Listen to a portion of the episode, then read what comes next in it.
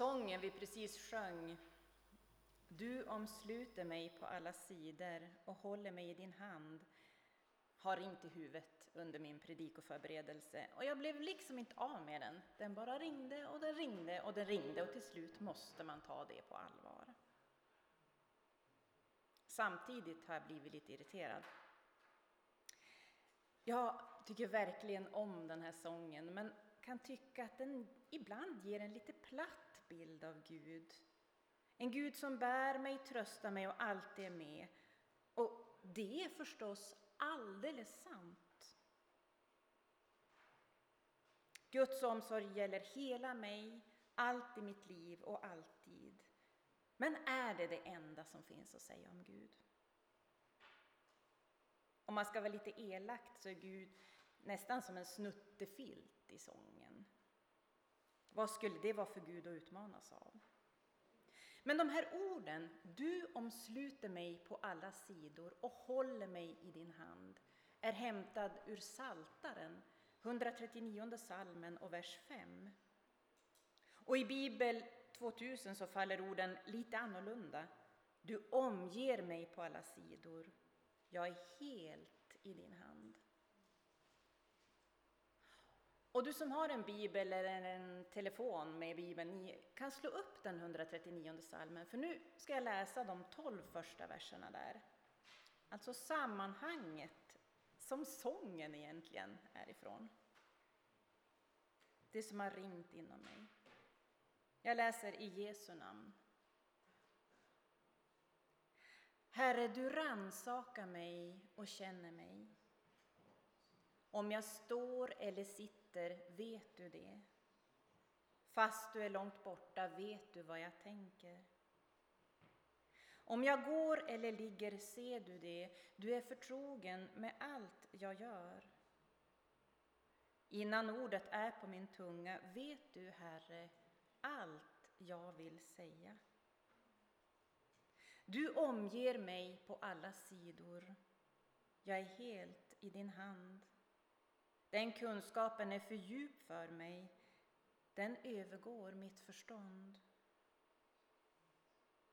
Vart skulle jag komma undan din närhet? Vart skulle jag fly för din blick? Stiger jag upp till himlen, finns du där? Lägger jag mig i dödsriket, är du också där? Tog jag morgonrådnadens vingar, gick jag till vila ytterst i havet, skulle du nå mig även där och gripa mig med din hand. Om jag säger mörker må täcka mig, ljuset omkring mig blir natt, så är inte mörkret mörkt för dig. Natten är ljus som dagen, själva mörkret är ljus. Kung David som skrivit den här salmen visste vad det innebar att vara helt och fullt känd av Herren. När vi läser om honom så ser vi att han hade gjort både det ena och det andra, men han ville ändå leva nära Gud. Och han hade upplevt vad det var att granskas allra längst in på djupet av Gud, men han fortsatte ändå att leva Guds tillvänt. Herren rannsakar mig, Gud känner mig bättre än någon annan. Gud vet allt om mina motiv, mina begär och mina inre drivkrafter. Gud vet allt om det som format mig på ont och gott och därför förstår han på djupet varför jag gör som jag gör eller varför jag kanske inte gör som jag borde eller skulle vilja. Guds kunskap om dig och om mig är fullständig. Där finns faktiskt inget att tillägga. Gud vet. Men vad gör det här med dig och mig? Ibland har jag tänkt att om du visste det här om mig, då skulle du aldrig mer prata med mig. Och jag vet inte hur det är med dig, men jag är väldigt tacksam över att vi inte kan läsa varandras innersta tankar. Men Saltarsalmen idag berättar att det är någon som kan det. Fast du är långt borta vet du vad jag tänker. Och inte bara det, du är förtrogen med allt jag gör.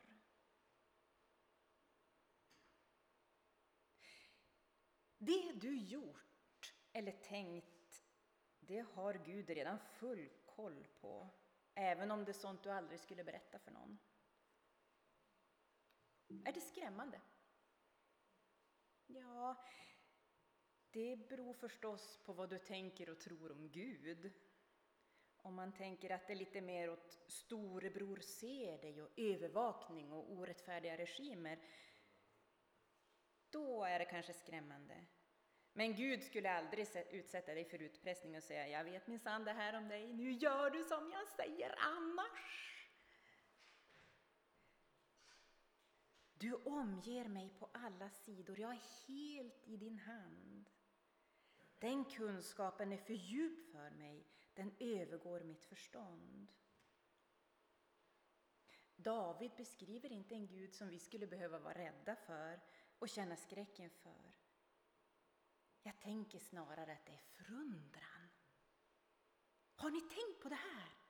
Så här stor är Gud. Vi är omslutna av honom helt i hans hand och det är en vacker bild, eller hur? Så det beror alltså på vad du och jag tänker om Gud, om vi blir förskräckta eller inte. Eller för min egen del så kan jag nog mer fyllas av en sund gudsfruktan.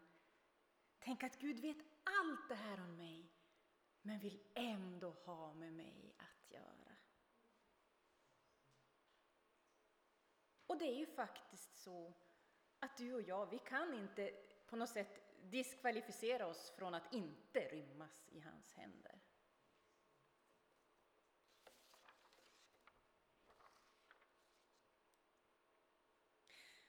Vart skulle jag komma undan din närhet och vart skulle jag fly för din blick? Det är frågorna som David ställer och sedan svarar på genom ytterligheterna som nämns. Stiger jag upp till himlen, i boken vid barnens stund så, så var det rymden som beskrevs. Lägger jag mig i dödsriket, tog jag morgonrodnadens vingar, gick jag till vila ytterst i havet. Och David han slutar ju inte där heller. Han tänker att ja, men om jag inte kan fly, fly från Gud så kanske mörkret ändå kan gömma mig. Nog måste det väl ändå finnas en plats dit Gud inte når. Mörker må täcka mig, ljuset omkring mig blir natt. För mig har de här orden varit en väldig tröst i mörka dagar, då livet mer liknat en grå och tung och kvävande yllefilt än någonting annat. Ingenting kan hindra Gud från att vara där. Inte mitt inre mörker och inte något annat mörker heller för den delen.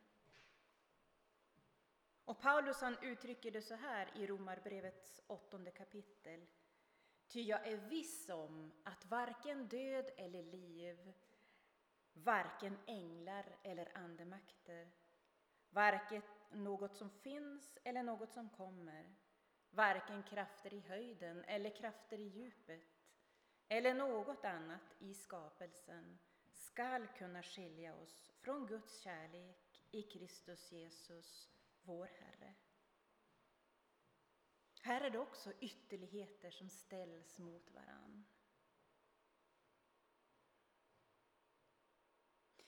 Men, precis som jag sa under barnens stund, det finns faktiskt en plats dit Gud inte når om vi inte släpper in honom.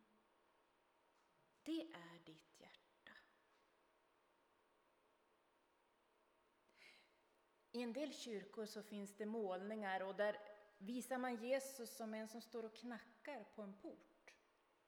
Tittar man lite noga på den målningen så ser man att det är någonting tokigt med den där porten. För det är inget handtag på utsidan. Och så brukar orden som är hämtade från Uppenbarelseboken stå antingen ovanför eller under. Se, jag står vid dörren och bultar. Och dörren den är ju förstås symbolen för ditt och mitt hjärta. Där handtaget sitter på insidan. Just därför att den dörren bara kan öppnas inifrån.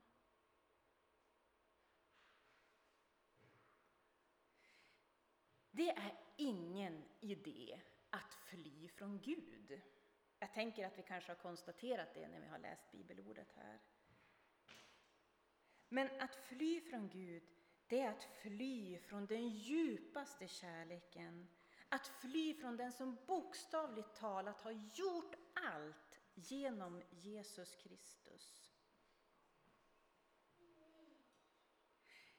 Gud ser dig, men det är kärlekens ögon som ser dig. Den som är full av nåd och sanning är den som ser dig, hela dig. Släpp kontrollen, Gud har koll. Släpp bördorna, Guds händer är större än du tror. Bekänn synden och låt skammen släppa sitt grepp.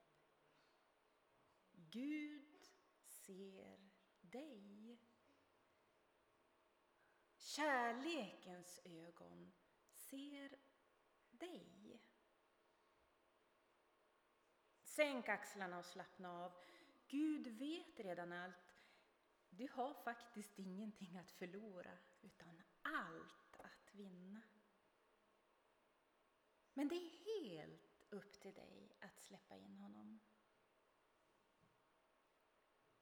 Se, jag står vid dörren och bultar, säger Jesus.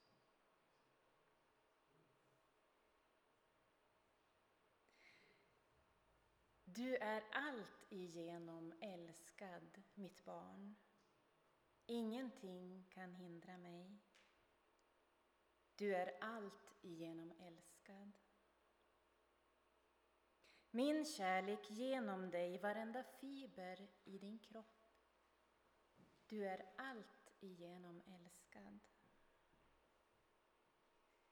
Du är allt igenom önskad, mitt barn. Ingenting kan hindra mig.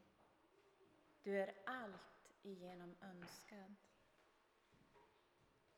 Min önskan att just du skulle bli till, varenda fiber i din kropp. Du är allt igenom önskad. Du är allt igenom sedd, mitt barn. Ingenting kan hindra mig. Du är allt igenom. Och det jag ser, det älskar jag, varenda fiber i din kropp. Du är allt igenom. Du är älskad, önskad, sedd, mitt barn. Ingenting kan hindra mig.